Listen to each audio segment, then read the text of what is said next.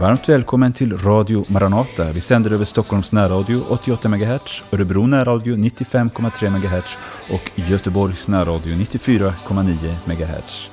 Den här timmen ska vi få lyssna till del 9 som också är den sista delen i serien om bergspredikan som vi har sänt nu ett par månader. Och det är Paulus Eliasson, Berno Widén och Hans Lindelöf som samtalar. Innan vi släpper på dem så vill jag passa på att annonsera de bibeldagar som ligger framför i Långshyttan den 6-10 oktober.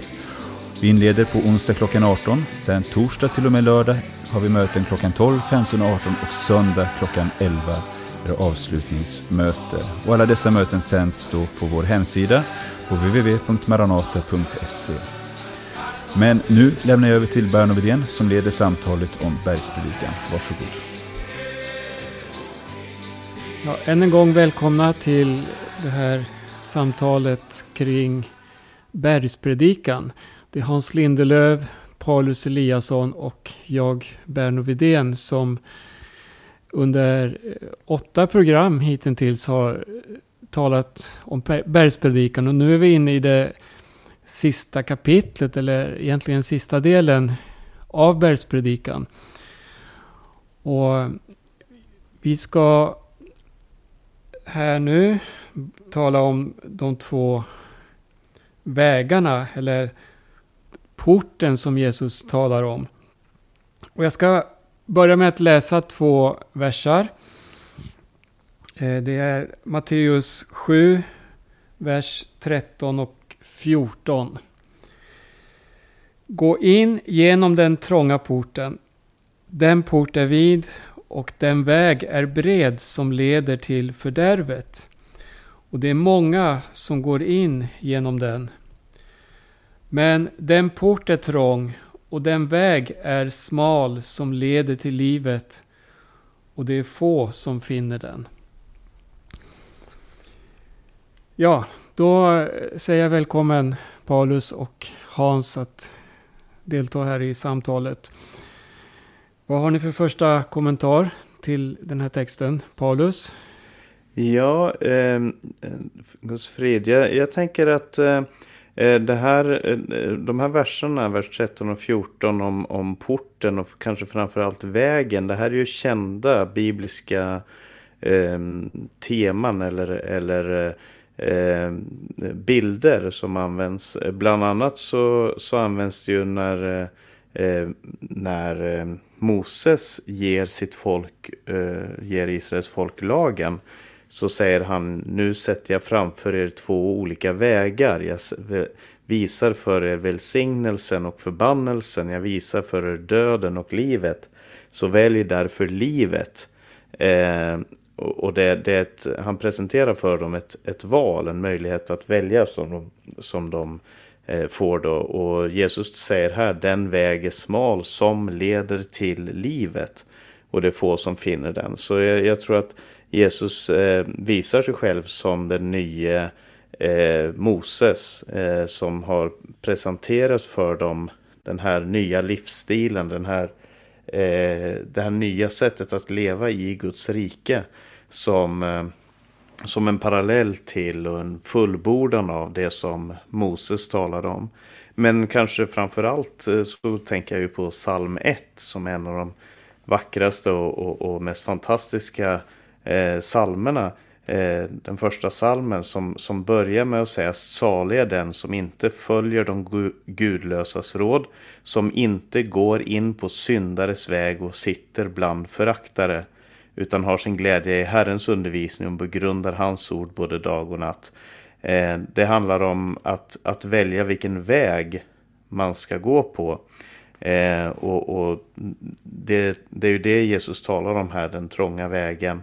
Eh, och jag lade faktiskt märke till ett, en sak här som jag, som jag inte har sett förut, men när jag studerade inför det här programmet så såg jag att eh, i vers 14 när det står den port är trång och den väg är smal som leder till livet. Eh, ordet för smal här på, på eh, grekiska eh, den är, eh, det eh, heter thlibo och eh, thlibo det är eh, kopplat till det grekiska ordet thlipsis som betyder eh, förföljelse eller lidande. Eh, och, och, ibland så används det här också, det här ordet också för att eh, eh, tala om människor som lider förföljelse eller har, har eh, problem. Eh, och, och, det kan hända att, att eh, Matteus och Jesus vill, vill göra den här kopplingen, att den här vägen som man vandrar på, det är en, en smal väg, alltså det är en väg där man vandrar i, i på, på norska så, så, finns det faktiskt också den här dubbelbetydningen i, i ordet trängsel.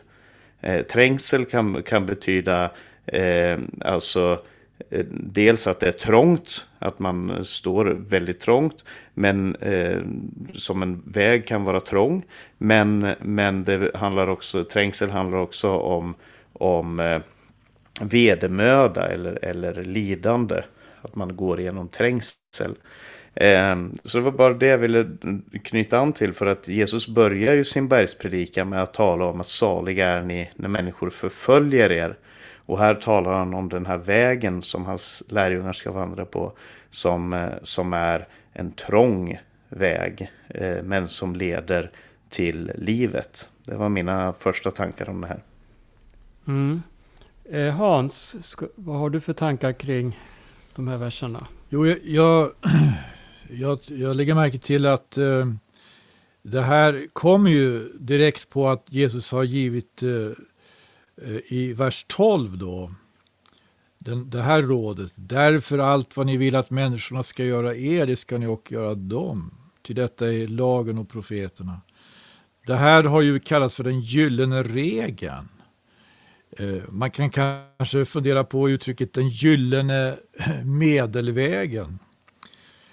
Men det kullkastas ju direkt alltså, därför att eh, vers 13 kommer det här gå in genom den trånga porten.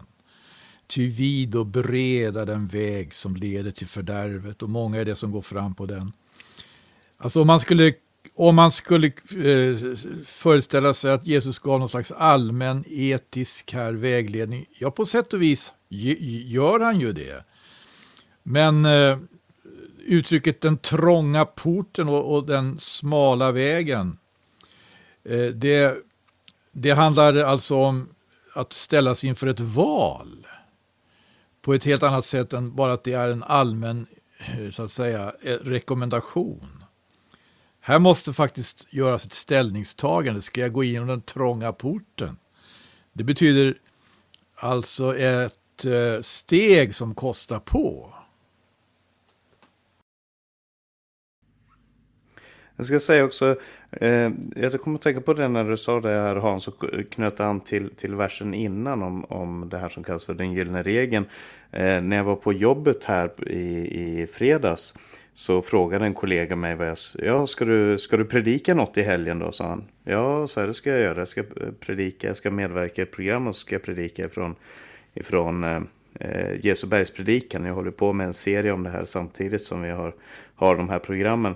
Och då sa han, jaha, vad ska du predika om då? Nej, jag ska tala från Jesu bergspredikan. Ja, den visste han inte vad det var för någonting. Han är ju inte kristen alls.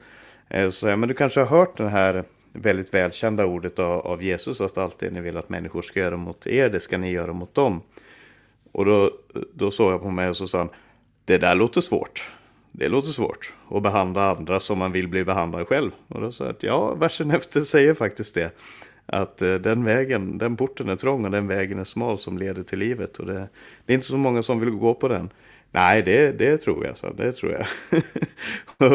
så fick jag lite möjlighet att dela evangeliet för, med honom då för att eh, eftersom Jesus säger jag är vägen, sanningen och livet. Så, så vägen att, att eh, vandra på det, det är ju att det är svårt, det är, det är omöjligt, men det är ju Jesus som är den här vägen och som också gör det möjligt för oss att vandra på den. Mm. Eh, mina tankar de går till eh, ett annat ord av Jesus där han talar om att bära sitt kors. Och den som vill vara min lärjunge, han ska ta sitt kors på sig och följa mig och förneka sig själv. För uppenbart talar det här om en väg som inte är framgångsrik och lätt på det sätt som man tänker sig här i världen. Va? När man ska ha det gott ställt, man ska leva bekvämt och, och så vidare. Men eh, Jesus han, han visar på, återigen då, andra värden. Allt det här som vill hålla oss borta från den smala vägen. Det är väl girighet, orättfärdighet och, och andra ting då som Bibeln varnar för. Och jag tycker att det här porten och vägen, det, det, det påminner om de sakerna. När, när vi fortsätter läsningen. Först då hade vi den port är trång, den väg är smal som leder till livet och få är det som finner den. Ja just det, det är få som finner den vägen. Det, eh, är det inte så att Gud vill att alla människor ska komma till kunskap om sanningen? Alla ska bli frälsta. Men här står det att det är bara få som kommer att finna den vägen. Det står, ju, det står ju lite tidigare här i, i kapitlet. Var och en som ber han får och den som söker han finner och den som, för den som bultar ska dörren öppnas. Det handlar om ett sökande, om en längtan som jag, jag tror bara kan väckas i en människa vid mötet med Gud. För att i Romarbrevet så säger ju aposteln Paulus att eh, eh ingen finns eh, Romarbrevet 3, 3 och vers 10. Ingen rättfärdig finns, inte en enda. Ingen finns som förstår, ingen som söker Gud. Alla har avfallit, alla är fördärvade. Eh, så den, det enda, människans enda hopp är, är verkligen att kasta sig i, i Guds armar och erkänna sin hopplöshet och söka, söka Guds väg genom att och, och erkänna Jesus som Herre, erkänna Jesus som den enda vägen till livet. Mm. Sen fortsätter texten då. Vi läser från vers 15. Akta er för de falska profeterna. De kommer till er i fårakläder, men i sitt inre är de rovlystna vargar. På deras frukt ska ni känna igen dem. Man plockar väl inte vindruvor från törnbuskar eller fikon från tistlar så bär varje gott träd god frukt, men ett dåligt träd bär dålig frukt. Ett gott träd kan inte bära dålig frukt, inte heller kan ett dåligt träd bära god frukt. Varje träd som inte bär god frukt huggs bort och kastas i elden. Alltså ska ni känna igen dem på deras frukt. Ska du börja här Hans, de här verserna och säga vad du tänker. Ja, så jag tänker ju då eh, med, anledning av vers 20 där. Alltså ska ni känna igen dem av deras frukt. Och då kan man ju säga det med anledning av det han sagt tidigare då.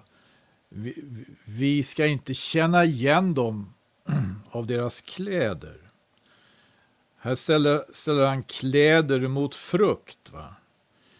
Eh, det, det är liksom eh, eh, någon slags här det, det, det, det är frågan om hur ska man identifiera då de som kommer med det rätta, om vi säger ordet, de som verkligen har ett uppdrag från Gud och skilja dem från, från dessa falska profeter som uppenbarligen inte är eh, som uppenbarligen alltså är ja, mer, mer angelägen om en slags stil snarare än att eh, verkligen bära frukt.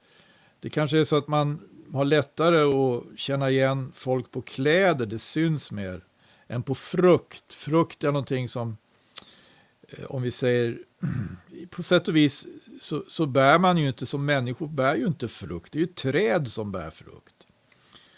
Och, och då, då handlar det alltså om att eh, varsågod, ska vi vara Guds vittnen, då får vi se till att bli träd som bär frukt. Mm. Men, men det står om profeter här. Vad, vad är en profet i, i, enligt Bibeln här då? Vad är en profets uppgift? Paulus? Ja, en, en, profet är ju en person, alltså när vi, när vi talar om profeter idag så tror jag att man först och främst tänker på någon slags eh, framtidssiare eller någon som ska tala om vad som ska ske. Han profeterade att det och det skulle hända eller här kom en profet och sa. Men, men när man ser på gamla testamentets profeter så är det lika mycket samtidsanalytiker och eh, framförallt människor som som presenterar, presenterar Guds perspektiv på aktuella händelser och på situationen sådan som den är. Eh, och i den betydelsen så tror jag att alla de som förkunnar om Gud och som ska tala om Gud, de är i, i sin egen mån eh, något av profeter. Och, och, frågan är ju vad man har för motiv. Det har vi ju sett i hela bergspredikan att det handlar väldigt mycket om vad som ligger bakom eh, vad som är motivationen. Och motivationen kommer ju visa sig i den frukt som man bär. Alltså det man söker efter, det är det som man finner och det man ber om, det är det man får. Eh, och det är den port som man bankar på som kommer öppnas. Eh, och här, här är ju, det är ju samma tematik här med de här profeterna och frågan är vad är det för någonting de önskar att uppnå? Och, och eh, Moses talade ju också om, om, falska profeter som, som skulle komma. Eh, han, han, ta, han talar om, om eh, eh, eh, människor som kom och som till exempel påstod att de hade ett ord ifrån Gud men de förde människor bort ifrån Gud. Eh, och de, de Eh, det visade sig att de ledde inte människor till tillbedjan av Gud och så vidare. Det här kan man läsa om i, till exempel i femte Mosebok 13. Eh, så, och, och, det fanns många lögnprofeter på det som kallas för profeternas tid, alltså 700-talet före Kristus fram till 300-talet före Kristus. Eh, och, och, Jesus ger oss den här, eh, den här eh, eh, möjligheten att bedöma det som sägs genom eh, att se på frukten. Vad är det som, som kommer ut ur deras liv? Vad är det de önskar uppnå? Eh, och det, det, är en viktig eh, definitionsmöjlighet som vi har när vi ska bedöma människors profetiska ord. Mm.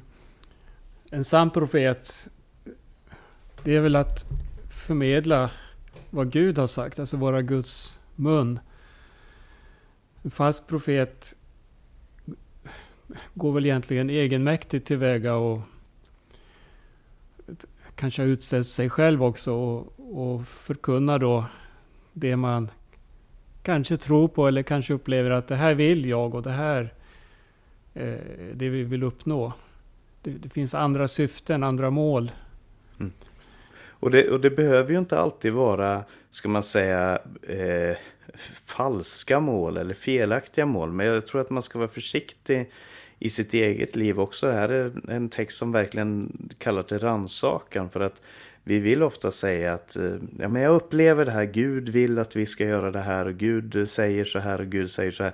Att man, att man bär på en ödmjukhet när man, när man menar sig tala i Guds namn för att eh, eh, så att man inte går över de, de begränsningar som skriften faktiskt sätter på en själv. Att man inte, inte åberopar en auktoritet som man inte besitter. Gud har talat genom sitt ord, det vet vi.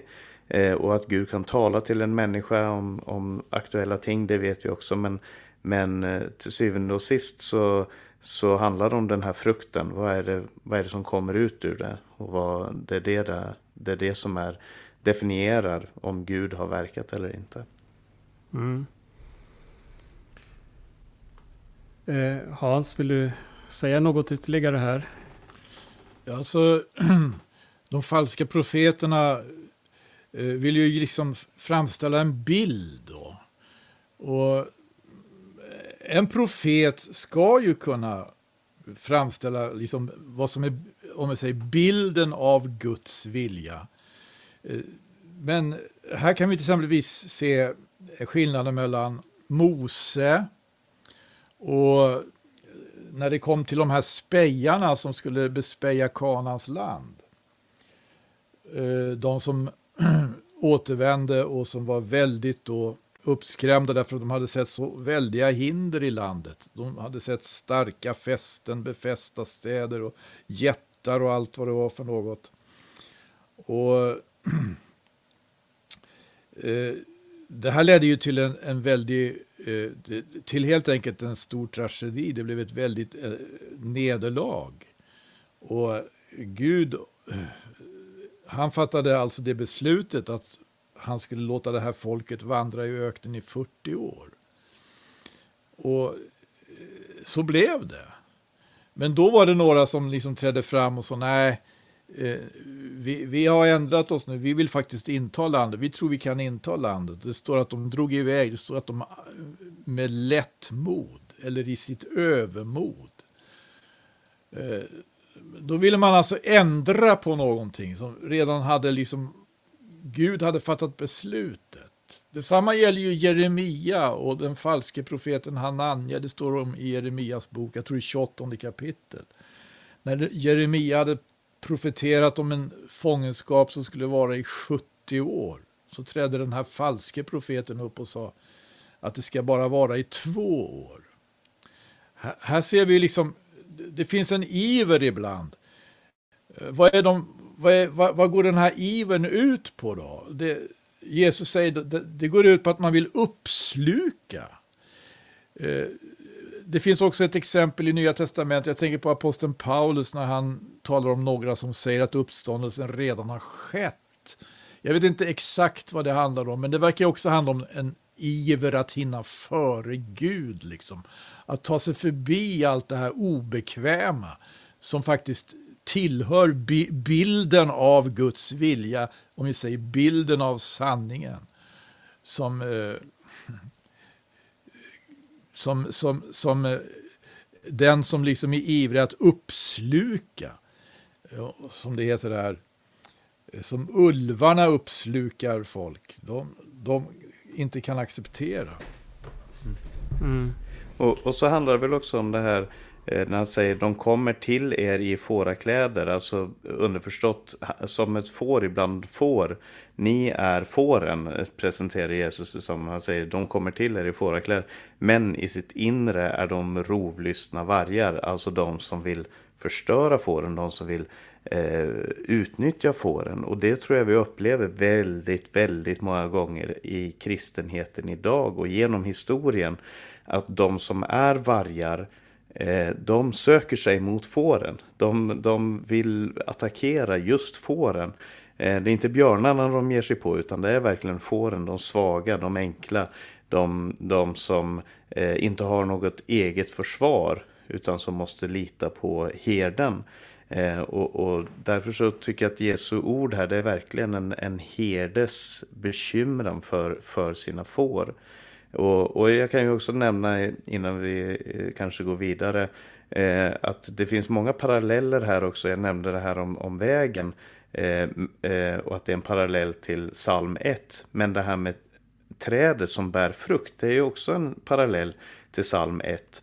Eh, för i, i, den första salmen så, så talas det om att den som har sin glädje i Herrens undervisning och begrundar hans ord både dag och natt, han är som ett träd planterat vid vattenbäckar, som bär sin frukt i rätt tid och vars löv inte vissnar och allt han gör, det lyckas väl. Och man kan också se på eh, eh, Ordspråksboken där det talas om visdomen som ett livets träd. Eh, och, och, det här är, så Jesus plockar upp en, ett tankegods från, från de hebreiska skrifterna som, som han, han knyter an till för att eh, ge den här Eh, ett extra djup. Eh, det, det handlar om antingen människor som är planterade vid en vattenbäck som, som, har, som är som träd vars löv inte vissnar och, och, som bär sin frukt. Eller som är som de här stråna som vinden för bort. Mm. Jag skulle vilja knyta an lite till det du sa här Hans. Du tog upp exemplet spejarna som var till Jeriko. Eh, det var ju tio spejare och så var det två spejare. Alla såg samma sak. Och alla kom egentligen med samma berättelse. Det var jättar där och det var en svår fiende på många sätt. Men de här tio, de fokuserade på, på jättarna. De fokuserade på, på de problem som fanns där och såg att det här kommer vi aldrig att klara. Men eh, Josua och Kaleb, de fokuserade på vad Gud hade sagt. Jag tänker på det här med profeter. Att eh, eh Det här var ju också eh, ett sätt att förkunna antingen Guds väg, Guds vilja, Guds gärningar eller på det sättet som de här tio såg det. De hade samma erfarenhet men det var två av dem som ändå var en röst för Herren.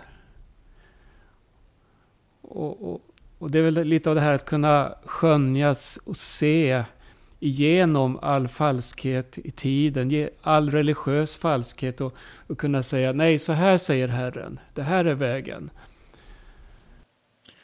Och Josua, han hade ju den här anden, en annan ande sa ju Gud. Det, det, det läser vi också om i Josuas bok. När de skulle fördela landet. Och det var några som sa, vi kan inte inta det här området därför att där har de stridsvagnar av järn. Och det var liksom ett argument för att de inte skulle kunna göra något. Josua vände på det helt och hållet. Han, eh, han, han, han gjorde det till ett argument för att de skulle inta. Ni ser, de har stridsvagnar av järn. Därför så ska ni gå dit, ni ska ta intala här. Han, han hade verkligen en annan ande. Han, han var verkligen, han, han hade tro den mannen. Eh, då läser vi från vers 21 till 23. Inte alla som säger Herre, Herre till mig ska komma in i himmelriket, utan den som gör min himmelske fars vilja. Många ska säga till mig på den dagen, Herre, Herre, har vi inte profeterat med ditt namn och drivit ut onda andar med ditt namn och gjort många kraftgärningar med ditt namn. Men då ska jag säga dem sanningen. Jag har aldrig känt er. Gå bort från mig, ni förbrytare. Paulus, vad säger du om det här? Ja, det här är ju... Eh, här knyter Jesus an till flera saker som han har talat om tidigare. Till exempel det här ska... Eh, inte alla som säger Herre, Herre till mig ska komma in i himmelriket. Och hela den här texten, redan från, från början i kapitel 5, handlar ju väldigt mycket om eh, att komma in och få del av himmelriket. Saliga är de som är fattiga i anden, för de tillhör himmelriket. Eh, saliga är de som blir förföljda för rättfärdighetens skull, för de tillhör himmelriket. Så det här är ännu en text som, som handlar om just det här att få en del av det riket som, som eh, eh, eh Gud presenterar för oss. Och han, det han, jag tror att det han vill säga här är att det handlar inte om eh, bara att säga jo men Jesus är min Herre då, och jag, jag tillhör honom och bekänna sig som en del av, av eh, det här folket. Utan det handlar om den här bönen som Jesus lärde i kapitel, eh, undervisade om i kapitel 6. Att verkligen göra det till en realitet i sitt liv. Ske din vilja så som i himmelen så och på jorden. Kom ditt rike. Eh, och, och det, det, är det här som Jesus utvecklar och, eh, och förklarar för dem att det handlar inte bara om att kalla Jesus för Herre utan det handlar om att göra Faderns vilja. Eh, och Faderns vilja var inte bara att man skulle profetera i hans namn eller driva ut onda andar i hans namn eller göra kraftgärningar i hans namn. Det här som verkar som så tydliga manifestationer av att Gud är verksam genom den här människan. Han gör kraftgärningar, han gör profetera, han driver ut onda andar. Men eh, det, det är inte frukten som vi läste om här innan. Det är inte den goda frukten. Eh, för Jesus säger, då ska jag säga dem sanningen, jag har aldrig känt er, gå bort från mig, ni förbrytare. Alltså ni, ni illgärningsmän, ni som bryter mot det Gud har tänkt. Så jag tror att frukten som, som han talar om, att bära god frukt och den vilja som, som han talar om, det är det som vi har läst om här. Att, att leva ett liv där, där man älskar sina syskon, där man älskar människor, där man eh, tillber Gud i ärlighet, där man hjälper de som är fattiga, där man längtar efter rättfärdighet. Det är den livsstilen som Jesus önskar att se i sina lärjungar, de som kallar honom Herre, Herre, eh, få se ett nytt liv. Och, och eh, det, det, handlar om när, också närheten till Jesus för att han säger jag har inte känt er. Sanningen säger jag har aldrig känt er, alltså jag har aldrig varit nära er. Jag har aldrig varit i den här intima relationen med er. Det är det, är det han, han önskar, Jesus. Inte bara att ha ett folk som kan göra kraftgärningar och som kan göra fantastiska saker. Utan som känner honom. Det är det som är frågan om eh, när, vi kommer, när vi ska komma till Gud. Det, frågan är, känner vi honom? Har vi, har vi kommit nära honom? Har vi fått uppleva närheten till, till Gud själv? Eh, lite som Jobb som vi läser om som, hade, som var en sån rättfärdig man, som var en sån god man. Men mot, mot slutet av Jobs bok så måste han bekänna inför Herren att jag har bara, bara det ryktena talade om dig har jag vetat tills nu. Men nu har jag fått se dig med mina egna ögon. Nu har jag fått känna dig. Och det är det Gud önskar att vi ska komma fram till. Att vi inte ska vara nöjda med det här livet där vi har den teoretiska kunskapen och kanske där vi till och med har de här, fys de här manifestationerna. Men att vi också ska få se eh, eh att vi också ska ha den här personliga relationen med Jesus själv. Jag tror att det är någonting av det som han vill eh, lära oss i den här texten. Mm. Hans, fortsätt gärna. Ja, nej, alltså, exemplet med jobb var ju faktiskt, eh, det tycker jag var väldigt bra där, Paulus. Jag tänker ju på det här så att det här är ju naturligtvis inte det lättaste. Eh, om vi säger som säger till mig Herre, Herre. Att kalla honom för Herre. Det har faktiskt, det har att göra med att, att verkligen eh, ja, var och en som åkallar Herrens namn ska bli frälst. Och eh, det, det, det, är, det är ju väldigt centralt, likasom eh, när det gäller att profetera, när det gäller att driva ut onda andar och att göra krafter. Det hör ju till ett uppdrag som faktiskt uttryckligen eh, Herren Jesus själv har givit och som vi ser att hans apostlar praktiserar. Och inte heller frågan om kläder är likgiltig. Det finns bestämda och råd om klädsel om vi tänker på vad som sades tidigare här. Men eh, det finns någonting som man kan missa. Man kan tydligen missa det, det, det, allra viktigaste fast man är upptagen och fångad av det som ser så att säga ut att vara så viktigt, så viktigt. Och man, man, man, kan ju faktiskt tänka på första Korinthierbrevets trettonde kapitel. Jag läser några verser bara. Det står så här. Om jag talade både människors och änglars tungomål, men icke hade kärlek, så vore jag allenast en ljudande malm och en klingande symbol. Och om jag hade profetians gåva och visste alla hemligheter och ägde all kunskap om jag hade all tro så att jag kunde förflytta berg, men icke hade kärlek, så vore jag intet. Och om jag gåve bort allt vad jag ägde till bröd åt de fattiga, ja, om jag offrade min kropp till att brännas upp, men icke hade kärlek, så vore detta mig till intet gagn. När aposteln här skriver om kärleken så Trots att det är så mycket fint här som han nämner om. Att tala andra tungomål. Att verkligen ge ut sig helt för de fattiga. Att profetera, allt detta. Att äga kunskap. Så trots allt så är det någonting som befinner sig på en distans. Eh, kärleken. Eh, som... Eh, och det är väl inte utan vidare. Aposteln Johannes skriver att Gud är kärleken. Och, och, man kan tydligen fördjupa sig och man kan engagera sig väldigt mycket men missa kärleken. Vilken tragedi, vad allvarligt. Men också naturligtvis en sporre för oss att inte göra det. Man kan väl ha fel fokus på kärleken också. Man kan älska verksamheten, man kan älska det man håller på med. Men tappar bort det som är det, det mest centrala. Eh, jag, jag, jag, tänker på ett annat bibelsammanhang. För att det var ju många, skriver Johannes i sjätte kapitlet, som följde Jesus. Mycket folk följde honom.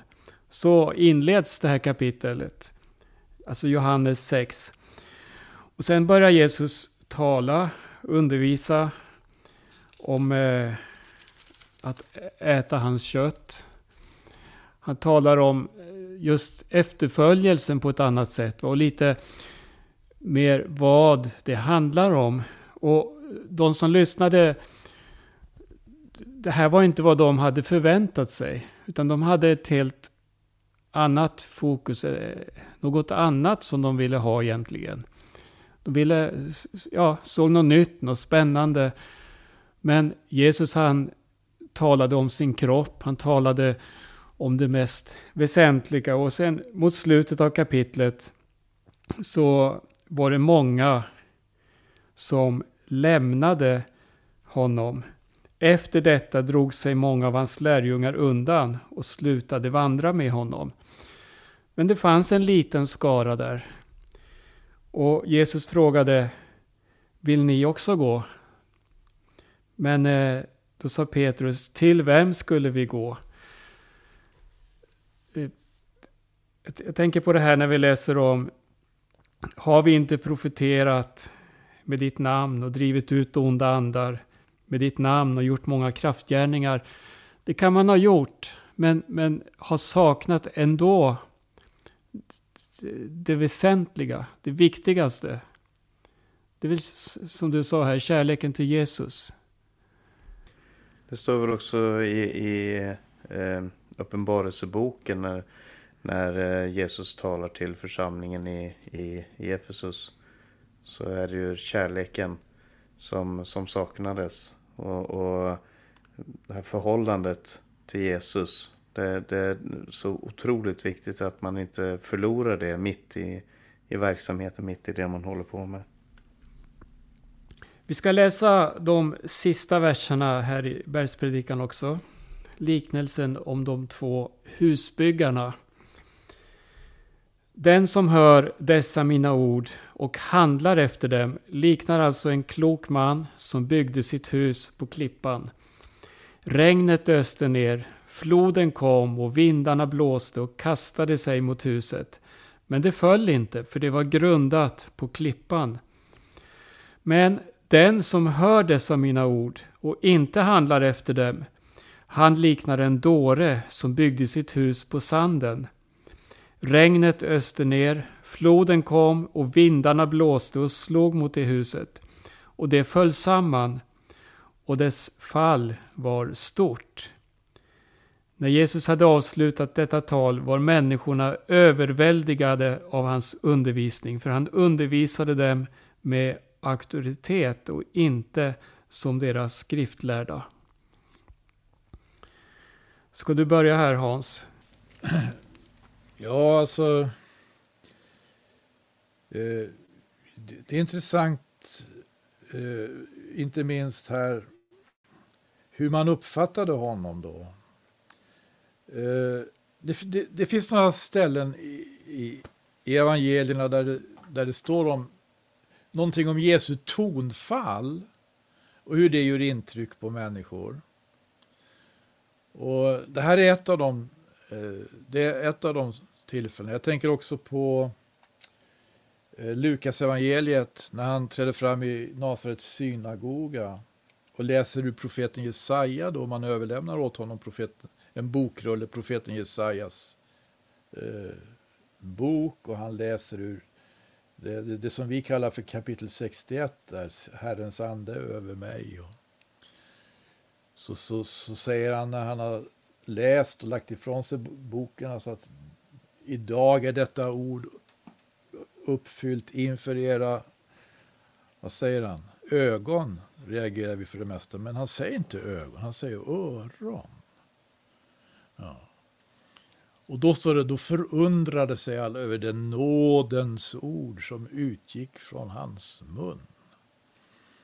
Här står det att eh, han, han undervisade med makt och myndighet och icke så som deras skriftlärde. Johannes evangeliet finns det ytterligare ett sånt här ställe. Jag tror att Johannes evangeliets sjunde kapitel, när de hade sänt ut tempelvakter för att gripa Jesus. Översteprästerna, fariseerna framför allt, var pådrivande.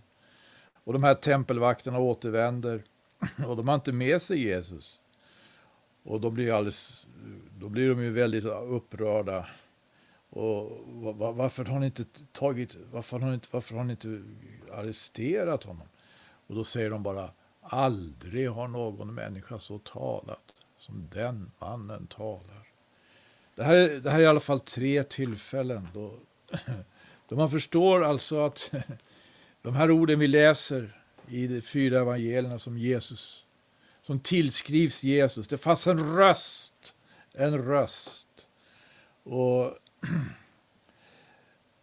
vi, vi förstår att det har väl också att göra med det här om vi, om vi faktiskt får tag i det han, han har att säga, om vi får tag i hans undervisning. Han uttrycker det här på det viset, den som hör dessa mina ord och handlar efter dem, eller gör.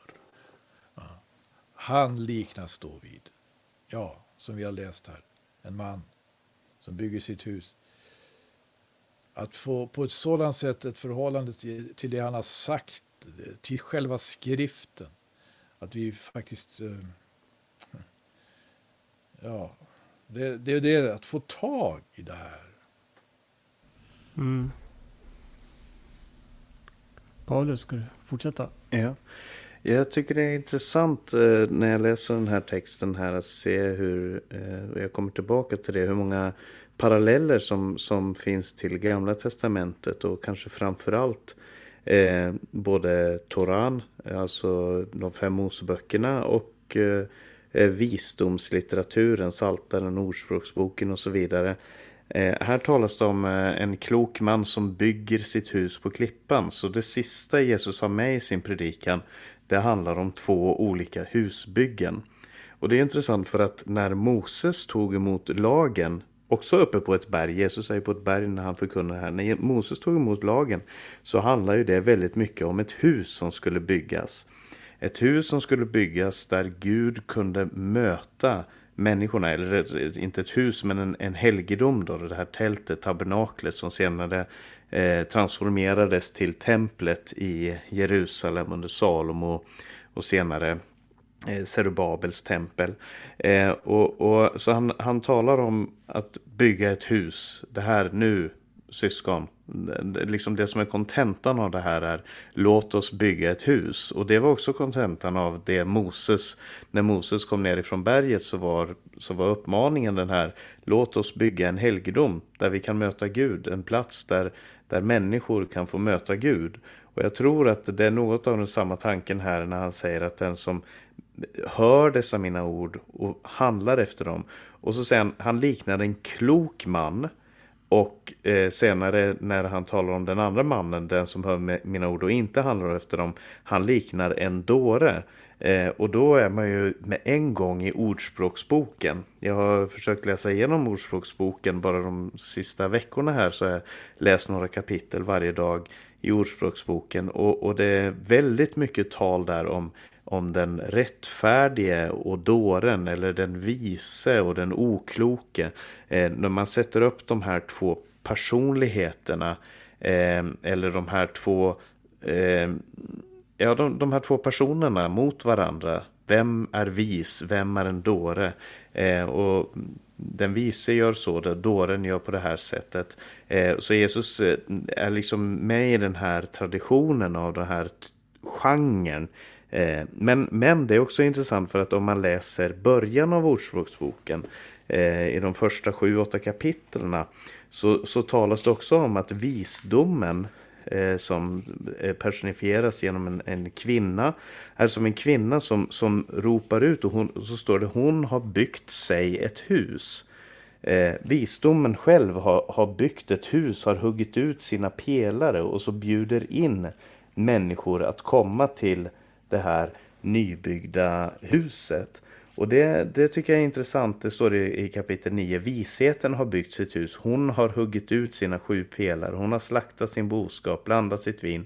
Och så ropar hon ut. Den som, du som är okunnig, kom hit. Den som saknar vett, säger hon. Kom, ät av mitt bröd och drick av det vin som jag har blandat. Lämna okunnigheten så får ni leva och gå fram på förståndets väg. Eh, så vi har talat här eh, eh, i det här programmet om, om vägen. Vi har talat om trädet som bär frukt. Vi har talat om huset som blir stående. Och alla de här tingen är sånt som Jesus utvecklar i tankar som, som fanns på, på, i de hebreiska skrifterna och som han då utvecklar och, och förklarar på ett helt fantastiskt sätt. Eh, eh, och, han, och, han, grundar allt det här på sig själv. Han, han säger att det handlar om relationen till honom och de ord som han har talat. Innan här så var det där, då ska jag säga dem sanningen, jag har aldrig känt er. Alltså Jesus önskar att känna oss, han önskar att vara nära oss. Eh, och, och, men sen här så handlar det den som lyssnar på mina ord och handlar efter dem. Alltså som, som ser de här orden som han har talat som sin dyrbaraste skatt. De människorna kommer bygga hus som blir bestående. De, deras liv kommer vara som, som hus som står emot alla eh, alla vindar, alla floder, allt regn. Och det här är, knyter an till det Jesus sa i början då, där han talade om, om eh, eh, förföljelsen, om, om hånet, om motståndet och allt det här. Men att bygga sitt hus på Jesu ord, inte på sin egen visdom, sitt eget förstånd, utan på Jesu ord. Det är att eh, eh, bygga ett liv som kan bli bestående i alla möjliga sorters väder och vind. Vi har eh, katastrofväder i vår egen tid eh, rent fysiskt och i, klimatet. Men vi har också ett andligt katastrofväder där det är så viktigt att vi har en, en, eh, en byggnad, en konstruktion som blir bestående i alla väder så vi inte blir neddragna i de här landförskjutningarna eh, som händer så ofta. Jag bor på ett ställe där bara några kilometer ifrån där jag bor nu så var det en landförskjutning här om Eh, för några månader sedan där människor eh, dog sovande för att deras hus stod på eh, en, en lera som bara förflyttade sig. Och Gud give att vi inte gör det i vårt andliga liv utan att vi bygger vårt liv på Jesus Kristus. Ja. När man läser 27 versen här så står det regnet öste ner, floden kom, vindarna blåste och slog mot det huset. Det påminner om en dom. Och så står det i slutet på versen så här. Huset föll samman och dess fall var stort. Det blir lite apokalyptiskt över det hela. Det, det, det är som att alla de här byggena i världen, all, allt som byggs upp, allt som man förlitar sig på. Det har egentligen inte någon hållbar grund. Och jag tycker vi ser det mer och mer eh, i klimatkatastrofer, i alla flyktingströmmar, all orättfärdighet, alla krigen, all svält. Det, det, det, det är som att allt det här är ett stort hus som håller på att rasa samman. Och dess fall är stort. Eh, bara en reflektion här just över eh, ja, den tid vi lever i. Jag, jag, tror att när vi talar om de här byggena så bygger vi antingen på världens rike eller på den grund då som, som den här världen är baserad på. Eller också går vi till Jesus utanför lägret. Vi går till Jesus och så får vi vara det här berget som ger sitt sken. Men det, det, vi bygger på en klippa, vi bygger på Herren Jesus Kristus. Och på det sättet får vi också vara människor till frälsning, människor till räddning, att de får se ett hopp. Det här, eh, och det här vi talade om tidigare, det är få som söker den, men det finns ändå en, en lykta på det här berget som visar, kom hit, här finns det räddning. Och det, det är vår bön att vi får vara eh, detta ljus, detta salt som vi har läst om tidigare här. Och kunna föra människor upp till klippegrunden.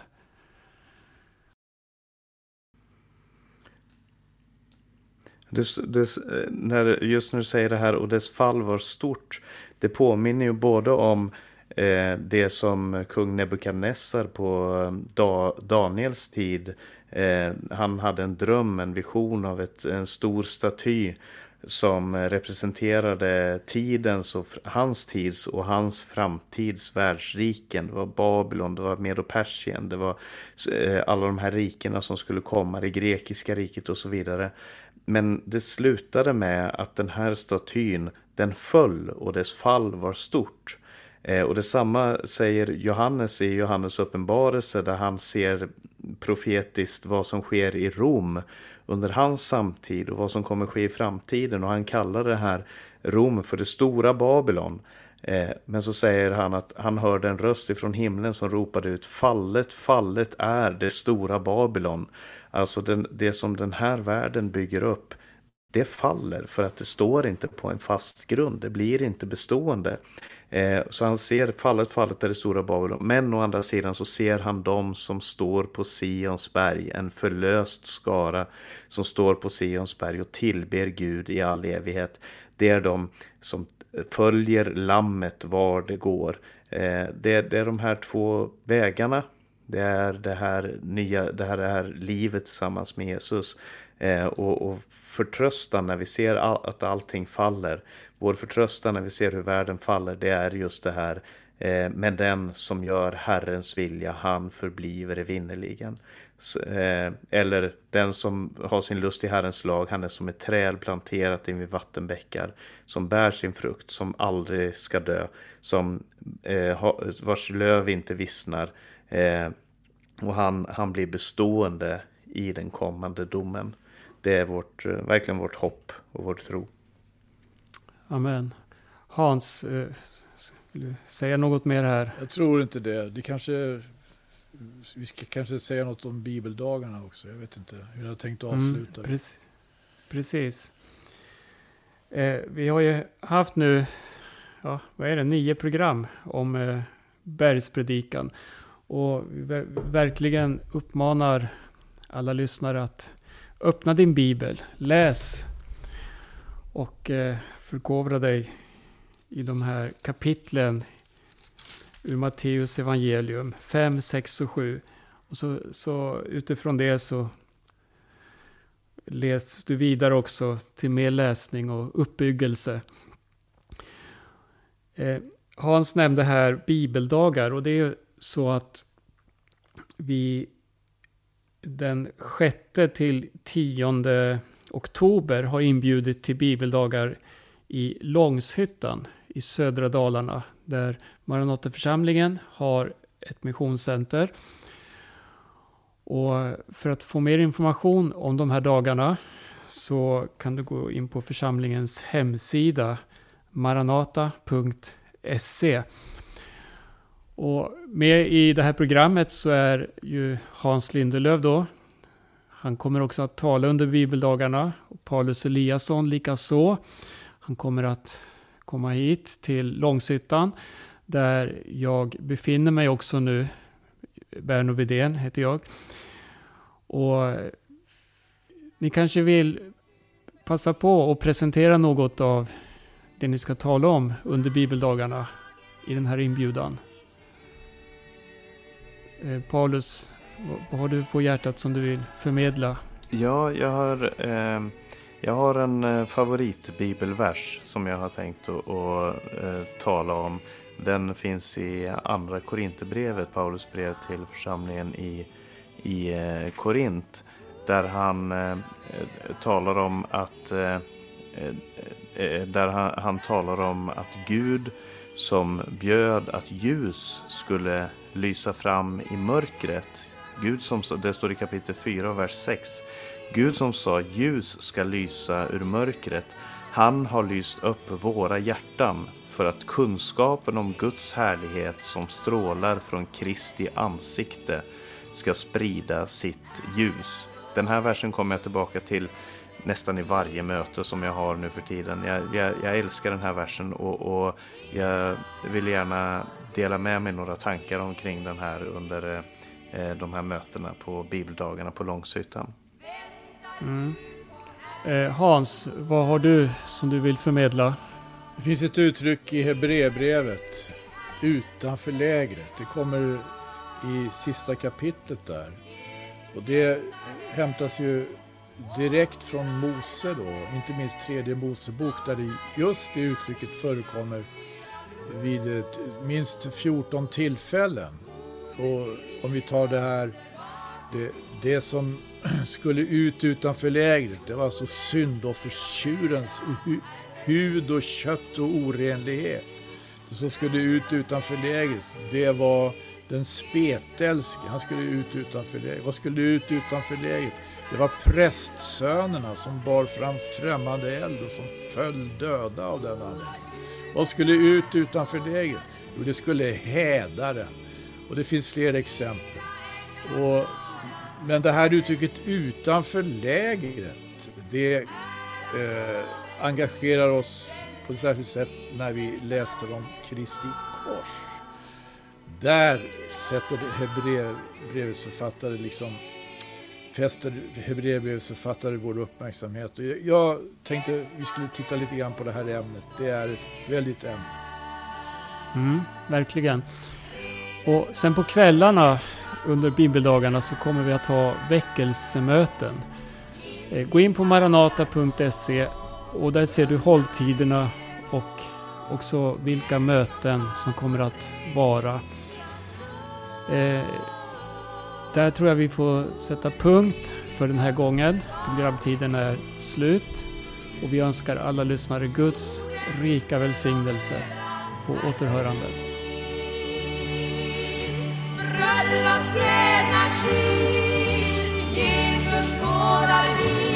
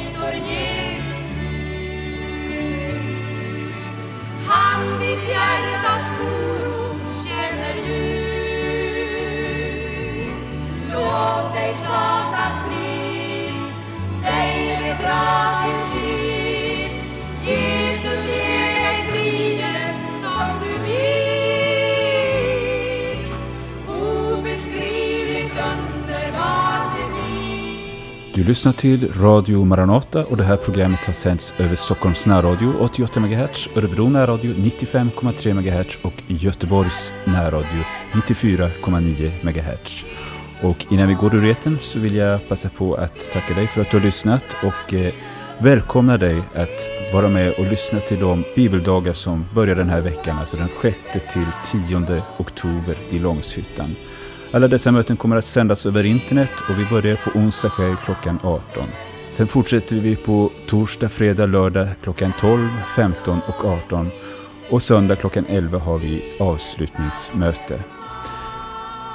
Med det så får jag tacka för mig och Radio Maranata för denna gång och på återhörande snart igen. Gud välsigne dig.